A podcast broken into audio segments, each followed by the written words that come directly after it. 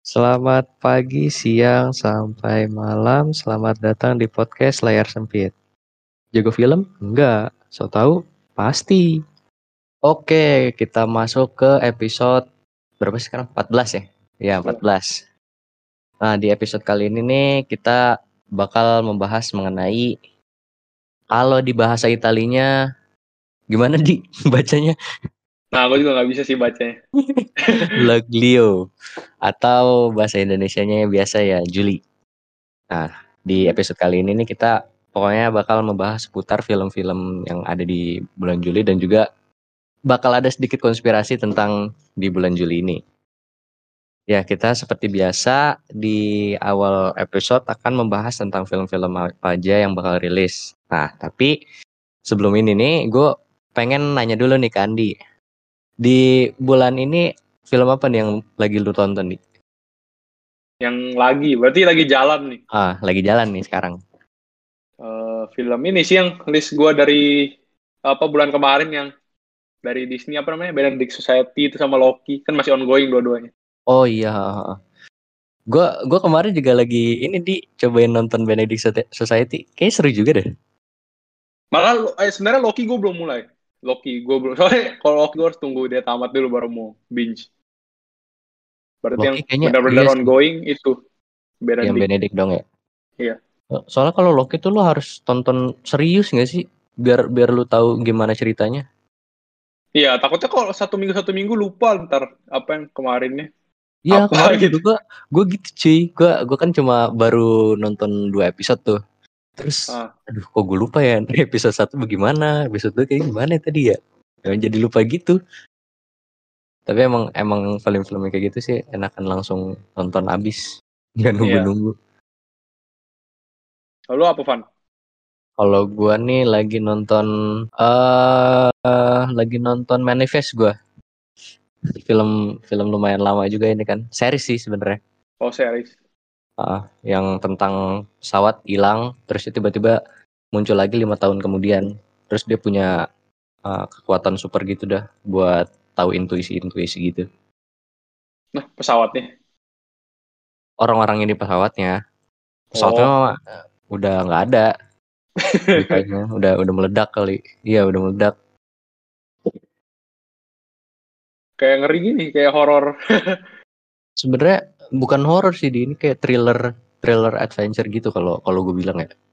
Hmm. Jadi dia ada perjalanan-perjalanan gitu buat nge membasmi kejahatan yang disebabkan sama pemerintah gitu. Jadi si passenger-passenger dari pesawatnya ini tuh dibuat jadi penelitian gitu di dan mereka ini beberapa passenger yang selamatnya yang nggak yang nggak kena eksploitasi dia pengen nyelamatin orang-orang sisanya Oh iya iya, make yang di sense. season 1 sih begitu cuma nggak tahu sih ini ada empat season eh lima season apa panjang banget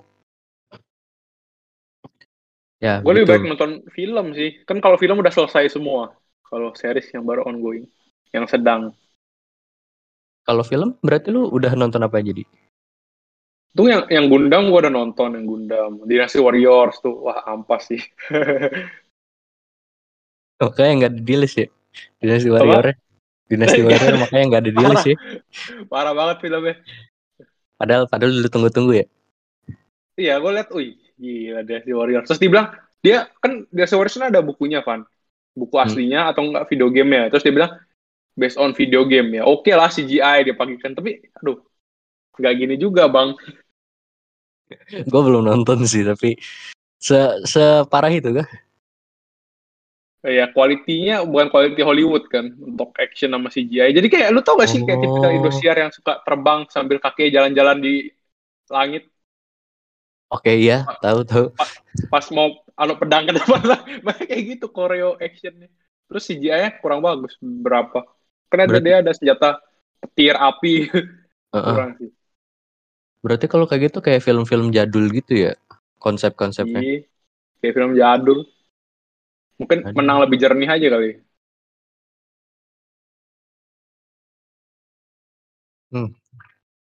Menang lebih jernih. Mentang-mentang udah di tahun 2021 tapi Wah, bahaya sih ini atau mungkin karena budget atau gimana ya? Nah, itu Kayaknya nggak mungkin budget nggak sih? Nggak tahu kan bukan Hollywood, Van. Jadi bisa jadi budget. Dia emang rilisan mana? Eh, nggak tahu ya.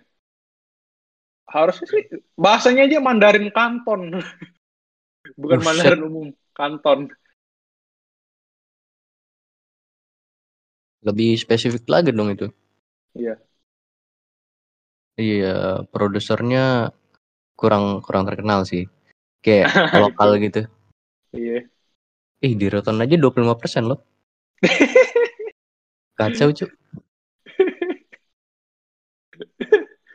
Parah, parah, parah, parah, parah. Nah, ini di katanya HBO Max juga mau masuk Indo kan? Oh ya, kapan?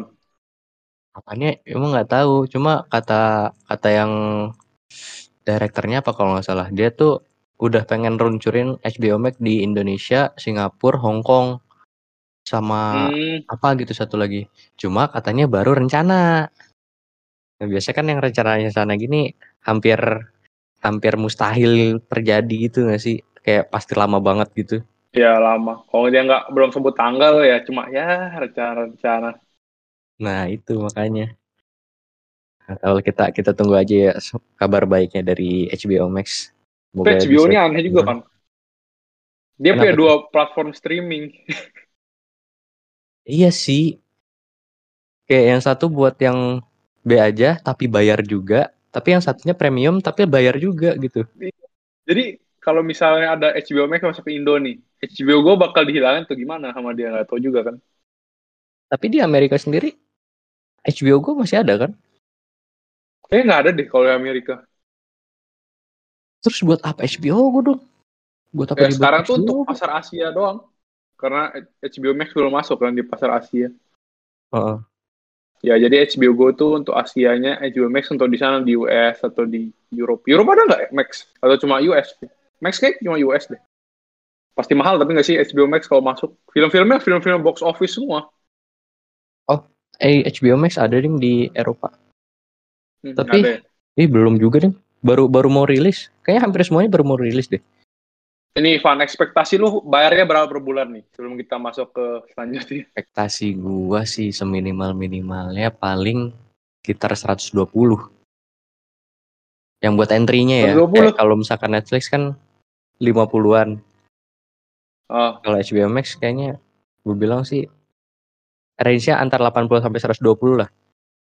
hmm. Eh, Netflix entry berapa ya? Entry 50 HP yang ya? buat HP doang. Heeh. Oh iya. Ya kalau lu yang banyak bagi-bagi jadi 4 bulan juga Yo. sih. bisa bisa 300 mungkin atau 200. Kayak lu langganan ini aja berarti TV kabel. Gue expect kayaknya, aduh, mahal sih. Gue antara 180 sampai 250 deh. Buset. Soalnya kasih Gila. film blockbuster, Van. Yang baru rilis bioskop langsung rilis di streamingnya itu mahal banget pasti. Iya sih. Sisanya ya B aja sih seri-serisnya. Eh, seri-serisnya ada sih yang bagus. Yang apa ya? ya mungkin ada kali HBO yang bagus selain Game of Thrones dan upcomingnya Game of Thrones itu. Eh tapi kalau dari di Amerika sendiri HBO Max itu sekitar 10 dolar. Hmm, bayarnya 140 ribu. Iya, 140 150 ribu lah Itu satu device. satu device. Ih, mahal berarti ya. Benar Hmm. mahal dong. berarti. Ya. Ya gitu dah, mahal. Chipsnya Ya. iya segitu 99. 9,99 reguler. Gila. Mahal banget ya. Ya setidaknya Disney kan, Disney Plus kan dia harus bayar lagi gitu kalau misalkan mau nonton film-film yang baru rilis. eh, iya ja- jajan ntar eh coba bayar lagi enggak kan? Eh enggak lah. Enggak lah, jangan cuy. Mahal bayar mahal. Mau nonton film yang bayar lagi. Atau enggak yang regulernya ini di 220 ribu. Tapi kalau gue beli, gue nggak bakal beli yang paling murah sih, Van. Soalnya gue perlu nonton di TV. Hmm, hmm, hmm. Pasti sekitar Jadi- yang dua dua level di atasnya entry kan. Ya yang bisa biasa. Sengaja emang dia sialanin. Nggak bisa kita bisa beli satu tapi main di TV doang. Kalau yang satu pasti HP doang gitu loh. Orang-orang Oh, ini buatnya. Oh enggak, masalahnya di gini. Ini harga kalau masuk Indonesia kan pasti kena pajak. Oh iya, pasti jauh lebih mahal lagi. ya itulah bahaya juga HBO Max. Tapi ditunggulah untuk dia masuk ke Indo. Iya, semoga aja lah dipercepat gitu kan kayak dua bulan lagi gitu. Kayak nggak mungkin sih dua bulan lagi. Soalnya dia ini dia akhir tahun seingat gue tuh akhir tahun 2021 ini Hmm, buat pasar Indo, Hong Kong dan lain-lain yang tadi gue sebutin. ya semoga aja lah bisa cepat masuknya. Hmm, Amin. Sebenarnya nggak nggak terlalu berharap banyak sih tapi ya udahlah. Hmm. Kita langsung masuk ke ini aja kali ya kan kemarin kita ada post juga di Instagram uh, buat top 5 film-film yang bakal keluar di bulan ini. Mulai dari lu dulu kali ya dia top satunya. Oh mau bahas Black Widow dulu. Black Widow. Kan Black Widow ceritanya paling hype nih bulan ini. Oh iya sih. Black Widow kayaknya Eh dia series apa? Eh series? Enggak bukan. Enggak, enggak, film, film, Black kan? Widow yang di bioskop. Ih, film. Oh iya bener. Film-film. Di US udah keluar nih, nggak tahu di Indo kapan. Tahun berapa sih? Di Indo Mar- tanggal 9 harusnya udah cuy. Harusnya udah nih kemarin cuy. Kemarin Oh, di bioskop tanggal nggak ada. 9. Berarti di Disney. Sumpah ini. Sumpah lu. Disney Plus Gue cek doang. bioskop nggak ada sih. Belum kali. Apakah udah tanggal udah tanggal 10 tapi. Iya juga ya. Berarti Disney Access yang premium. Ai, parah amat. Belum cek lagi sih. Tapi gimana kata lo Black Widow? Black Widow. Gue gue pengen lihat ininya sih. Jadi background background cerita si Black Widow aslinya itu kayak gimana. Soalnya kan dari awal ya cuma cuma sekilas-sekilas dong gitu kan. Paling konfliknya antara Black Widow Hawkeye ada kalau misalkan di film yang mana ya gue lupa tuh. Yang di ada Ant-Man-nya. Eh, itu mah yang terakhir ya berarti. Ada Iya. sedikit sih. Black Widow. Ini kan berarti Kasihan si Black baru Widow. baru dijelasin lagi. Sampai sekarang belum dapat film kan. Di Udah Kayak- mati kayak baru Loki. dapat. Kayak Loki juga. Oh iya udah mati juga ya. udah mati karakternya di MCU. Kasihan sih. Tapi, Tapi kan kata kalau dari trailernya ada ini Van, ada banyak Black Widow yang lain. Oh iya. Nah baru gua, baru gue pengen tanyain Black Black Widow yang orinya bakal bakalan muncul lagi nggak kapan? Ori ini siapa nih? Yang Natasha, Natasha Romanoff. Iya, Nat Natasha. Harusnya enggak sih. Kenapa Udah. tuh? Ya udah hilangin aja gitu. Maksudnya kalau udah mati-mati jangan kayak Naruto dibangkit-bangkitin. Setidaknya setidaknya kayak ini ya Captain America gitu ya, ada penggantinya. Ada lah itu kan udah ada. Pemain Little Woman Iya tuh sih. Yang Oh, pemain iya? itu Florence. Florence. Florence. Iya. Gimana sih bacanya? Piu ya? Nggak tahu British padahal tapi namanya kok aneh. ya Oh, paling main- itulah yang dipakai ke depannya. Itu juga. Little oh iya deh, ada Little Moment. Ada Emmy. Oh iya, eh. Harusnya gen- semua generasi baru aja. Maksudnya kemarin kan udah diselesain tuh eranya Robert Oh. Downey, eranya itu. Udah nanti karakternya baru aja. ternyata ya dia. Iya. Terus eh aja. kalau kan Tony Tony udah nggak ada berarti Ah, yang Tony. ngegantiin si ini dong si siapa Spider-Man Ada yang bilang anak ya ntar. Gak tahu. Gak tahu sih. Antara anaknya kali ya. Spider-Man ya Spider-Man aja. Kalau Spider-Man juga jadi Iron Man. ngerangkap dua. Kalau Iya sih. enggak ada Iron Man baru. Enggak mungkin ya.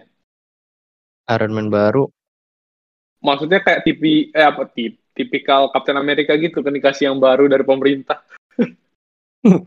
nggak tahu ya kayaknya kayaknya sih enggak ya Swasta, swasta, bukan pemerintah. America sih, kan pemerintah. susah susah ini wah soalnya kan ya dia saintis yang emang ngerintis dari awal terus jadi kaya. Iya. Beda kalau Ya, kalau si Captain America kan emang backgroundnya soldier. oh iya benar benar, iya benar. Paling anaknya sih Van yang lanjutin. Iya. Si- Siapa ya gue lupa Siapa? loh nama anaknya tuh. Potts. Emang ada yang disebut ya? ya udahlah. Lupa gue. Pokoknya itu Black Biasalah film Marvel pasti selalu ditunggu lah. Banyak fans-fans bocil, fans-fans karabitan, semualah itu yang menungguin fir- film-film Marvel tiap tahun. Pasti sih banyak. Oh Morgan. Morgan Stark. Baru tahu gue ada namanya. Gue kira cuma ya udah. Udah lewat doang gitu ya. Iya. Main kemah-kemahan. Apa coba?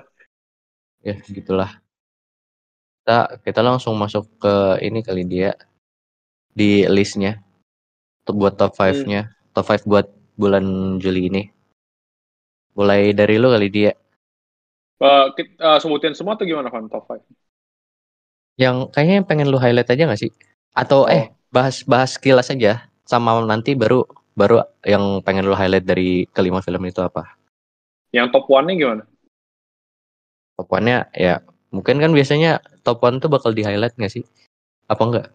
Gue enggak. Soalnya top 1 gue kan Gundam nih. Gundam itu niche banget. Jadi kalau lu emang suka Gundam nih, bagus. Kalau lu Oh, nggak suka, lu masuk film ini lu nggak bakal ngerti. Soalnya ada banyak timeline-nya gitu film-film sebelumnya untuk diikutin. dia berarti tuh kayak terusannya gitu ya? Ada ada beberapa Eh, yang lainnya gitu. Dia kayak punya kalendernya gitu, Van. Tiap Gundam tuh ada kalender namanya Universal Century kan. Jadi Ah, ah. satu kalendernya ada banyak film sebelumnya.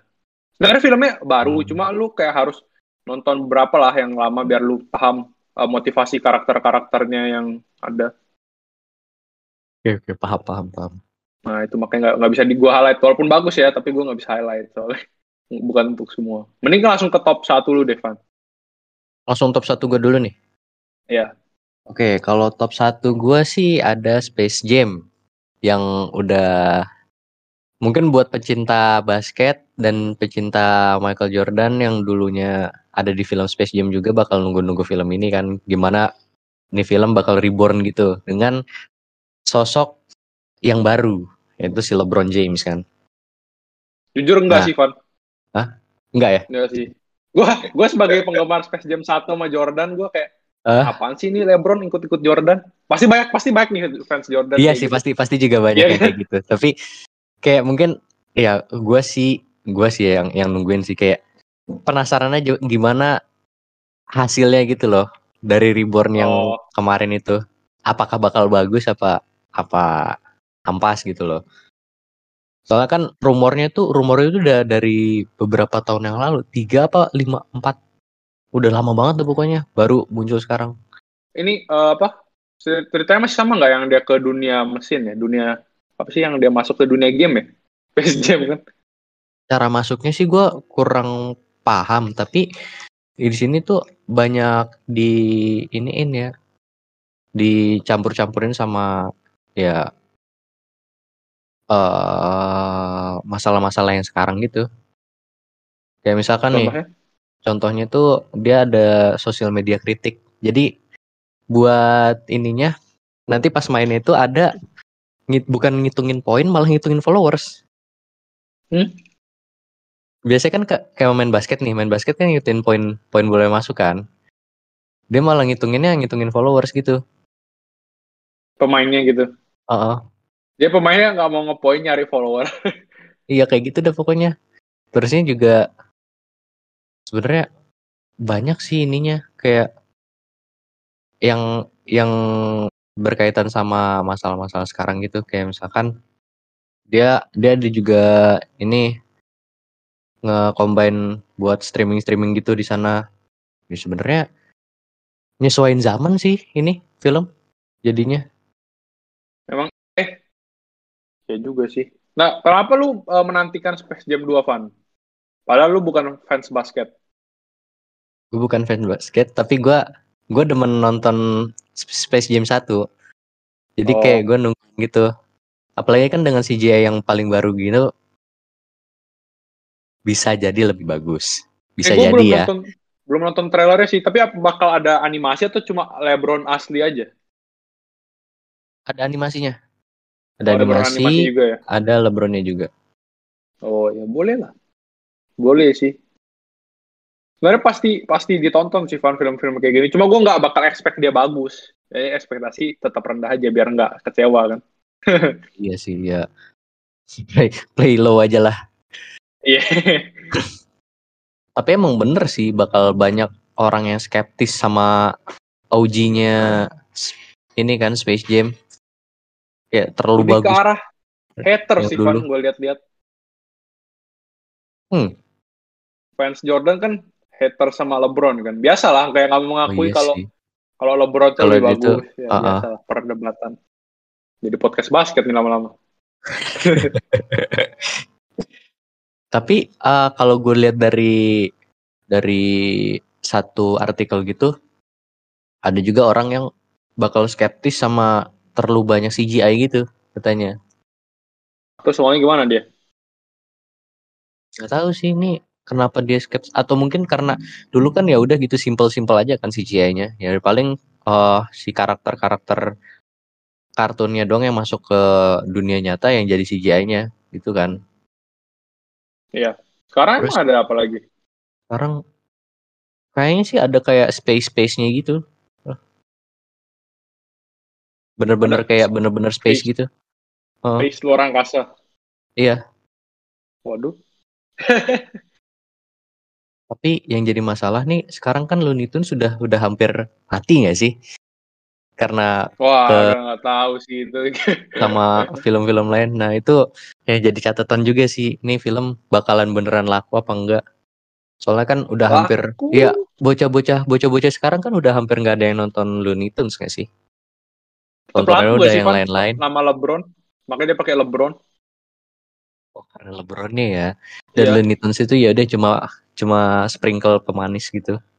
Ya, biar ada Space Jam ya, identity Space Jam ya. Ay, iya juga sih bener ya. Lu kalau mau terkenal ya, either masukin LeBron atau Curry biasa kan, namanya paling angkat dua itu. Iya, yang paling hype sih di masa ini ya kalau nggak LeBron Curry. Masa lu tiba-tiba siapa pemain basket misalnya? Clay Thompson gitu. Gak ada yang nonton ntar. Walaupun jago tapi ya nggak sepopuler mereka dua sih. Ya, Populer sih populer tapi tapi ya buat kalangan-kalangan yang pecinta basket aja. Ya, kalau yang awam ya mana tahu. Kalau Curry sama LeBron kan di luar basket juga Pasti di highlight kan. ya. Nah, pasti di highlight nih Van, mending kita bahas ke yang highlight nih. Yang yang highlight ya. Iya. Dari gua apa lu dulu nih? Lu dulu dah Van. Gue dulu ya. Iya. Sebenarnya yang gue pengen highlight tuh ya Space Jam satu. Yang kedua itu ada No Sudden Move. No Sudden Move ini jadi ceritanya tentang satu kelompok gitu. Ini film baru atau lama Van? Baru sih tapi ba- barunya tuh sekitar Juni sebenarnya tapi baru rilis di HBO Max. Pokoknya platform-platform itu di Juli ini. Oke, banyak tempat rilis ya. Waktu itu gue liat di HBO gue juga ada rilis nih, No Sudden Move bulan ini. Iya makanya kayak baru-baru keluar sekarang gitu. Sebenarnya originalnya ri- rilis bulan lalu sih. Kenapa nih lu mau highlight? Gue gue penasaran aja sama cerita cerita filmnya gitu. Ini kan kayak thriller yang gangster-gangster gitu gak sih? Terusnya mereka juga ada konflik-konflik. Gue gue berharap sih ada ada kayak plot twist plot twistnya gitu. Makanya gue pengen highlight. Jadi gue gue nungguin banget gitu selain selain Space Jam ya. Hmm. Ini kan rilis itu sekitar tanggal no, Puluhan ya? Belasan. Kalau di iya 24 Juni kalau kalau di Jerman. Tapi kalau di Jerman. film mana ini ya? Enggak sih kayaknya. Kenapa rilis pertama di Jerman dah? Soalnya ini eh, produksi kom apa perusahaan produksinya WB. Lu ngewe Jerman ya? Enggak deh kayaknya. Gue juga nggak tahu sih WB di mana base-nya. Gue kira Amerika. Terus juga soalnya kalau kalau dari tomatometer dia 91% di Widih. Tinggi juga. Makanya Ya gue berharap sih sih ini film nggak nggak terlalu ngebosanin kayak kayak film-film crime thriller drama yang lain ya. Soalnya kan biasanya film-film yang kayak gitu tuh bakal bakal bikin ngantuk. Gue berharap sih sih gitu ya. Kalau plotnya fresh bisa lah. Ya kalau plotnya ya. fresh sih.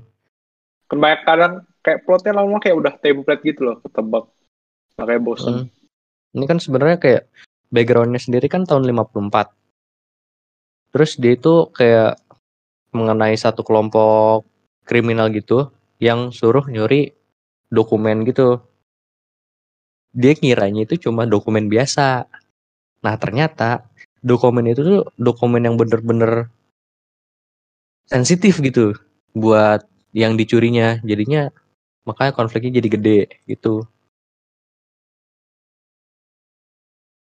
Boleh lah. Oke sih. Kalau gue sih itu ya dua itu yang pengen gue highlight. Kalau lu gimana di? Gue berarti highlightnya yang ini, yang Traffickers. Karena yang top satu gue nggak nggak nggak bisa di highlight tadi.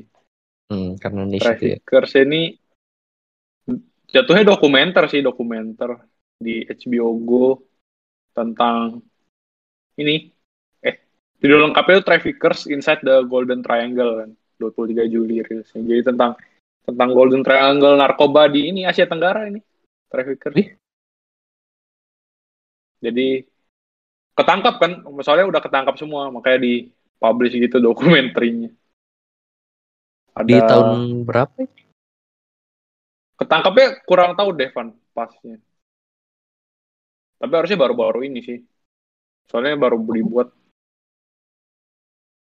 jadi triangle-nya itu eh, Thailand Hmm? Myanmar sama apa ya Laos Vietnam ya pokoknya antara itulah triangle gue juga nggak terlalu perhatiin Nah, pokoknya mereka ini ngasilin duit tuh jauh lebih baik daripada Escobar sama El Chapo kan dua itu yang sering dibahas Wah, kan, gila. Sumpah lu. Oh, Thailand, Myanmar, Laos, bukan Vietnam. Thailand, Myanmar, Laos, triangle. Eh kacau dong kalau misalkan lebih banyak Katanya sih begitu dari dari yang apa dari polisinya gitu. itu. Oh dari polisinya. oh, polisi. Kan ada trailernya kan terus ada kayak dicuplikan Ah. yang polisi yang ngomong. Penghasilannya mereka itu jauh lebih banyak daripada Escobar sama El Chapo yang biasa di udah jadi drama, udah jadi dokumenter udah banyak lah diapa-apain kan kalau dua itu. Iya. Kalau Traffickers ini tiga ini tuh hasilnya banyak tapi underrated lah nggak seterkenal mereka cuma bagus jadi gue pingin highlight aja kalau kalau ada yang suka kan dokumenter terus pingin apa tentang narkoba narkoba gini kan Gue Bisa lah. pengen gue pengen lihat sih kalau nih film nih dijadiin kayak narkos El Chapo gitu. jangan Ini sih kata bakal- gue Kenapa emang? Om- kalau gue belum nonton El Chapo Van tapi kalau dari Narcos tuh gara-gara dibuat jadi drama itu banyak konflik-konflik gak penting yang dibuat muter-muter Iya sih, tapi jadi kan itu emang emang bumbunya gitu loh. ya makanya jangan jadi drama biar dokumenter aja biar gak perlu ada bumbu Ini satu film berarti di. Udah langsung nge-recap semua.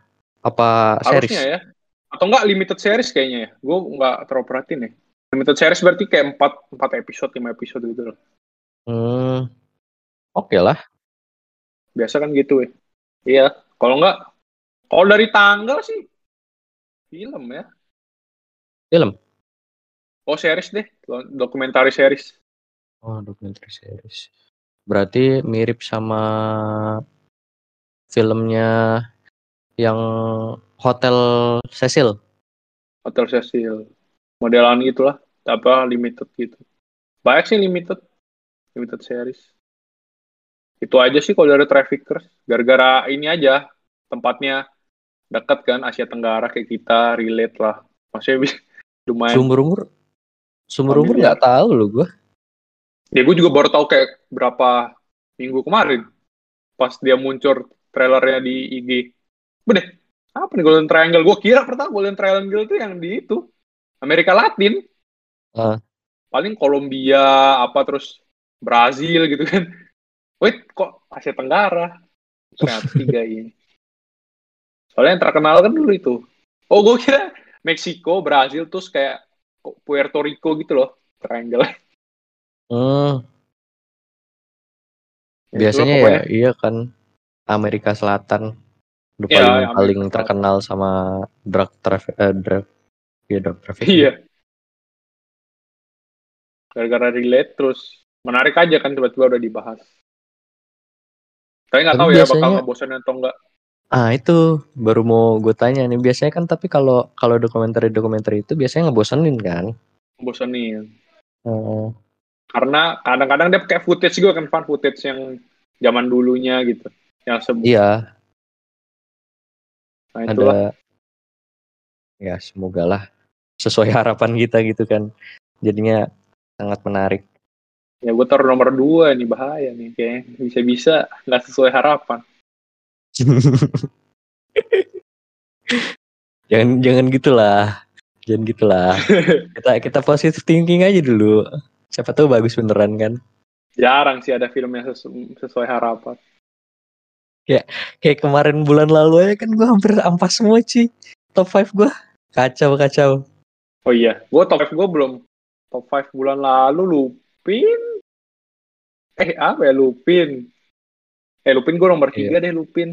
Oke lah nomor Lupin 3 Lupin. Loki Benedict Society Lupin Sweet Tooth Unwind gue Your belum Mind nonton eh, lagi.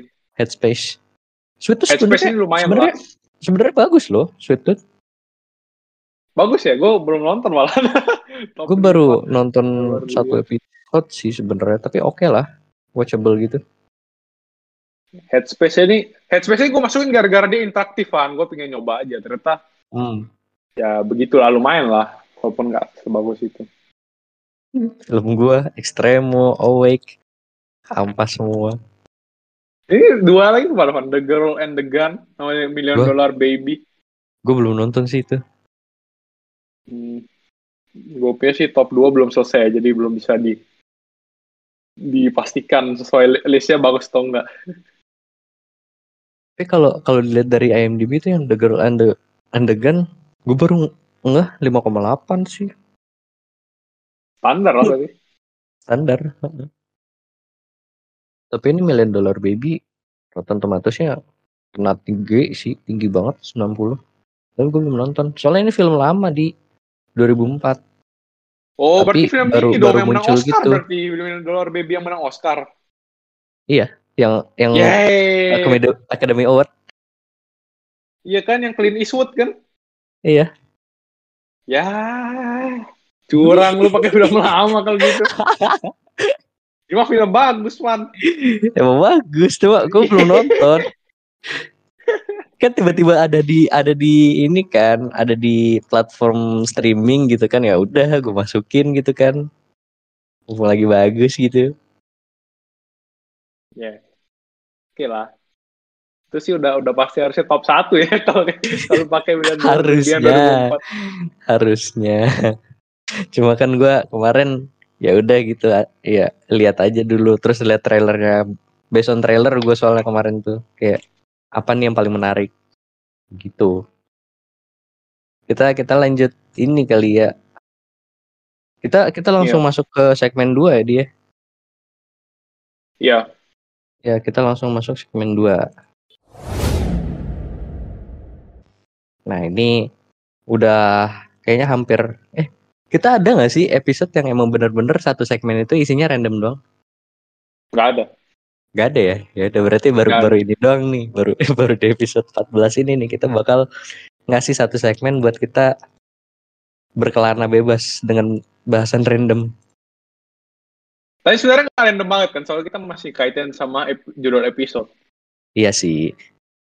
Hmm, kita ini dulu kali dia ngebahas tentang kenapa namanya itu nama judul episode kali ini tuh pakai bahasa Itali dan maknanya jeli.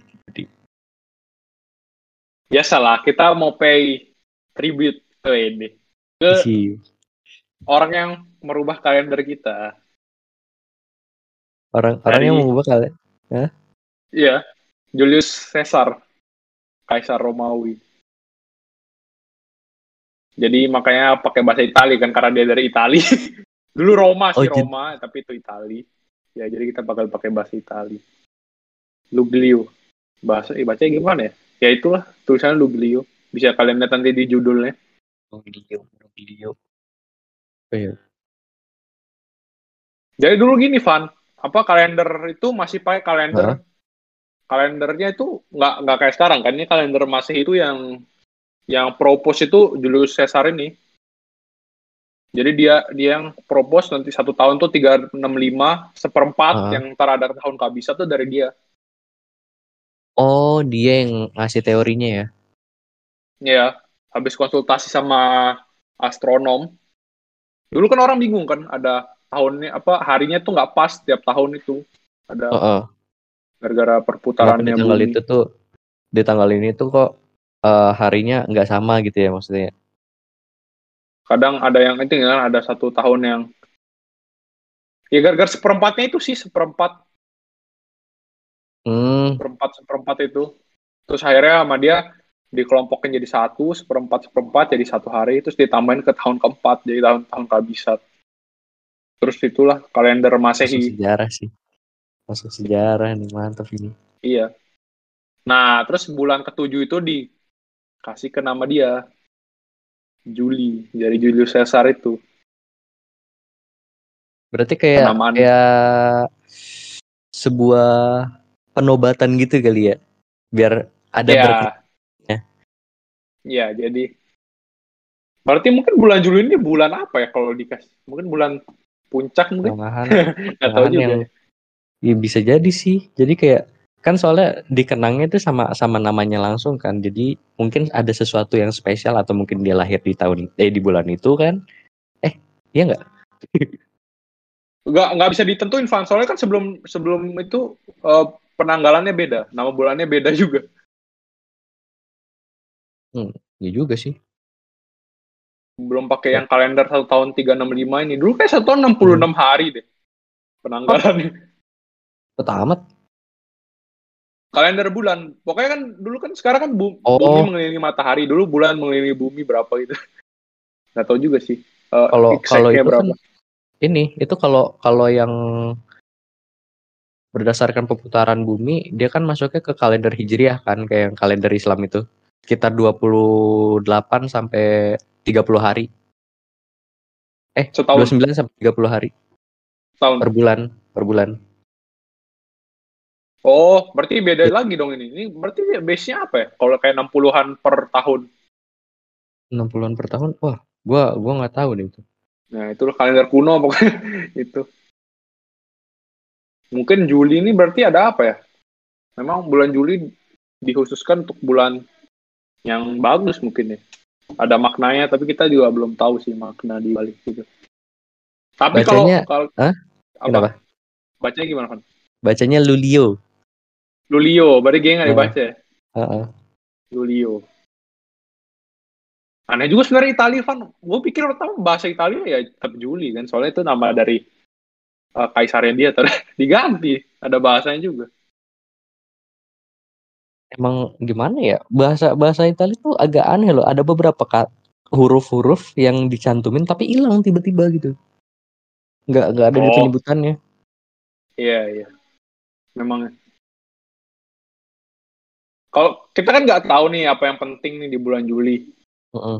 Tapi ada negara nih, Van. Ya, yang Wis. salah satu tanggal terpentingnya itu di bulan Juli. Apa Fourth Baru of ya July kah? Nah, yang baru kemarin nih ulang tahun nih. Ah, iya, baru sekitar berapa hari yang lalu ya? Udah hampir seminggu nggak sih? Belum, enam hari. Iya, berarti berarti pas kita rilis genap seminggu sih. Oh ya, genap seminggu ya. Hari Minggu Udah ya. mengikuti uh, apa jadwal jamnya mereka ya. Jadi Iya. bulan Juli ini ada hari kemerdekaannya Amerika Amerika. dari Inggris. Merdeka dari Inggris mereka. Ada yang Oh, lu mau ini nggak kan? Lu mau highlight dari kemerdekaannya Amerika? kemerdekaan Amerika. Iya. Kayak nggak tahu sih gua. Biasanya kalau kalau kemerdekaan kemerdekaan gitu kan kayak ada lomba-lomba gitu di Amerika ada nggak ya? Kayak Enggak kalau misalkan di lebih Indonesia, makan-makan kali ya. iya. Oh, lebih makan-makan ya? Kayak oh iya sih, kayak perayaan-perayaan gitu ya bikin pesta gitu gak sih? Terus ya ngadain gathering-gathering. Kalau di Indo kan lu ada 17-an gitu lomba-lomba antar desa. Ada gak ya lomba di sana? Kayak lucu aja sih. kali. Makan burger kali mereka. Oh. Bisa Eh, apa sih. ya? Makanan apa makanan asli Amerika apa ya? Burger kan Jerman kan. asli Amerika apa ya? Makanan Ayam asli. goreng kah?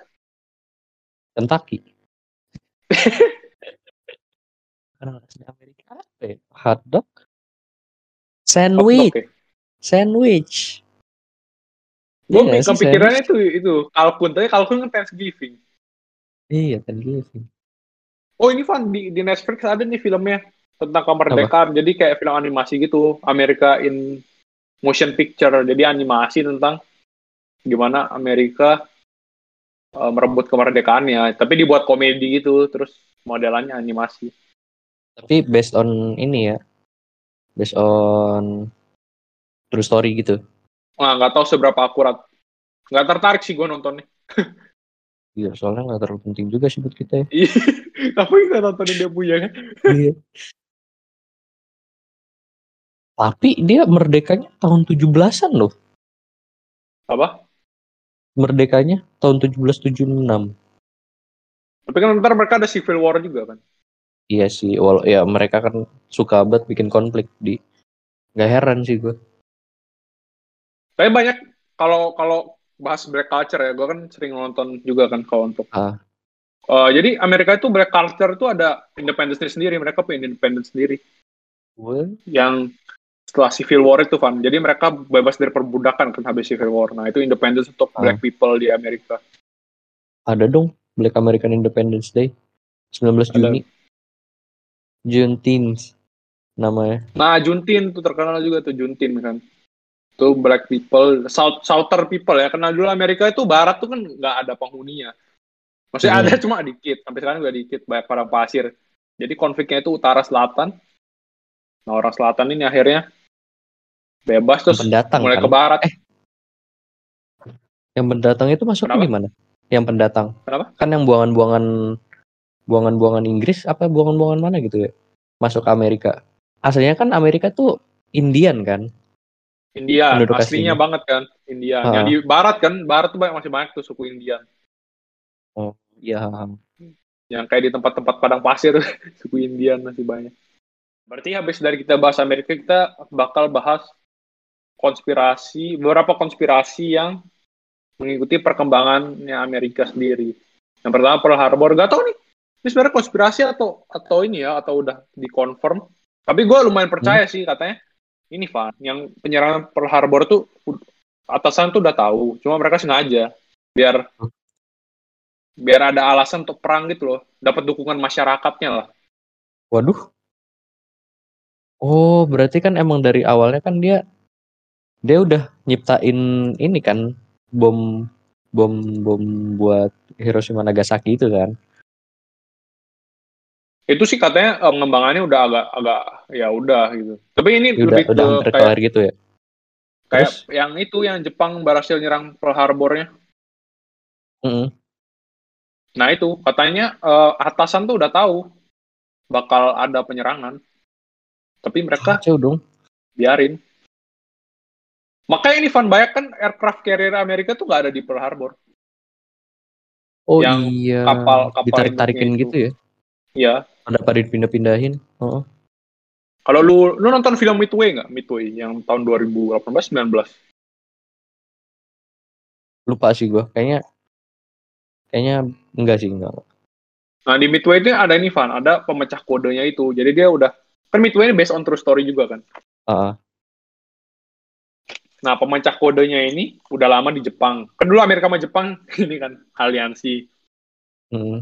Jadi ada udah la- lama lah mempelajari gerak-geriknya Jepang gitu tentang perkodean gitu. Nah habis habis dia itu dia di tempatnya di Pearl Harbor, terus dia udah ngebaca gitu katanya. Nah, ini bakal diserang nih. Kita bakal diserang sama Jepang. Udah kebaca gitu ke intercept gitu sandinya Jepang sama dia. Nah, tapi nggak tahu adegan di filmnya ini asli atau enggak. Soalnya kan film kadang-kadang banyak dramatisasinya juga kan. Ini berarti yang yang lu ceritain ini berdasarkan film Midway ini. Ya, tapi orangnya ada. Tapi adegannya ini ada nggak yang dia kasih tahu ke atasan kalau Bakal eh, kita mau diserang. diserang? Ya. Heeh. Nah, terus dia ini apa atasannya tuh nggak mau dengerin. Eh, ah, goblok lu kayak kasarnya lah. Mana ada Kayak nggak percaya gitu ya? kita. Ya. Nah, terus kena serang lah itu. Nah, tapi konspirasinya Amerika itu sebenarnya pingin perang, cuma em, rakyat mereka Mau kan nyari-cari udah alasan gitu ya. Ya, pengennya pengennya kan, damai gitu. Ha, udah habis Masyarakat. apa perang perang kemerdekaan perang saudara kan capek perang lah Heeh. rakyat Amerika nah ini caranya untuk bangkitin patriotismenya ya biarin base mereka kena serangan Jepang Habis itu counter-attack-nya konspirasi. langsung meninggoy Jepang, Cuk. Langsung meninggoy. Counter soalnya pas pas di Battle of Midway yang salah satu yang paling pentingnya itu Hmm. kebaca. Kena intercept lagi. Terus sekarang ini Amerika itu ngikutin saran dari pemecah kodenya ini. Dia dia dia nempatin kapalnya itu di Midway kan namanya. Midway itu. Heeh. nah di tempatnya kapalnya. Nah itu jadi menang battle nih Hmm. Konspirasi Ya, yang berarti- seru nih. ya biasa kalau perang-perang gini zaman-zaman perang seru konspirasinya Tapi kalau yang yang film dokumenterinya itu apa sih namanya di? yang mana Dokumenter tentang Pearl Harbor? nggak tahu di dokumenter Pearl Harbor tuh ada filmnya juga kan yang 2001 Pearl Harbor yang Michael Bay punya film terus ada yang Midway ini kalau Pearl Harbor tuh lebih nyeritain ke Pearl Harbor serangannya kalau Midway ini nyeritain Pearl Harbor sama nyeritain yang Battle of Midway itu dia nyeritainin Hmm. si Midway lebih ke yang pemecah kodenya ini gimana Berarti kayak film yang Inggris itu? Apa Yang mana? Film yang Johnny Inggris, yang eh Johnny Inggris. Bukan yang yang pemecah kode juga. Apa ya namanya? Kok gue lupa ya? gimana Van Jadi jadi di si orang Inggris ini dia ngebacahin kodenya Jerman pas Dunkirk kan. Aduh, apa ya? perang dunia kedua berarti kan kalau Inggris Mm-mm. Jerman apa ya banyak sih film perang gue sampai bingung kalau benar-benar ini apa ya Apa ya? Lupa lu. Filmnya Benedict. Benedict Benedict sering jadi komandan-komandan gitu Van sering cameo Oh, Imitation Game. oh nggak tahu belum pernah nonton Oh, lu belum pernah nonton ya? Eh, Belum jadi dia tuh ini diceritainnya kalau si Benedictnya itu lagi belajar tentang kode-kode yang dibuat Jerman. Terus ya di satu saat dia udah ketemu tuh ketemu kodenya. Oh, berarti ini ya Benedictnya jadi tokoh utama ya? counter. Iya, oh soalnya banyak film Inggris tuh Benedict sering jadi komandan-komandan yang, Cameo gitu yang doang, ngeselin gitu yang Oh. ranknya lumayan tinggi yang kayak suka merintah-merintah tapi nggak perlu kan biasa kalau kita perang ngikutinnya itu cerita tentang yang apa prajurit yang levelnya bawah lah ya Hmm. nah Benedict kalau Inggris ya Benedict sering jadi komandan popnya gitu yang ngeselin-ngeselin yang kayak perintah-perintah nggak jelas kadang suka salah taktik beberapa kali tuh dia cameo Iya, yang udah yang paling paling gak jelas gitu kali ya. tapi lu percaya nggak konspirasi ini Percaya aja sih gue. Soalnya Amerika soalnya. Yang ketiga tuh Amerika. Mereka kan Nah, konspirasi suka, kedua suka nih, keributan. konspirasi Apa tuh? kedua ini moon landing Moon landing. ya kan tapi kalau ini gue percaya nih yang moon landing soalnya ya kok Percaya percaya Nah. gimana nih? Lu percaya beneran dia turun di bulan atau percaya ada di studio? studio lah konspirasi kan ini di studio Van jadi kan dia Hmm, publishnya itu seolah-olah dia mendarat di bulan pertama iya. konspirasi konspirasi nggak konspirasi sih kayak udah jadi fakta gitu banyak Iya yang sih. percaya studio kan studio Hollywood Nah, Iya kan? Aduh. Kalau Soalnya kalau ini ya benderanya benderanya tiba-tiba bisa gerak-gerak gitu ya.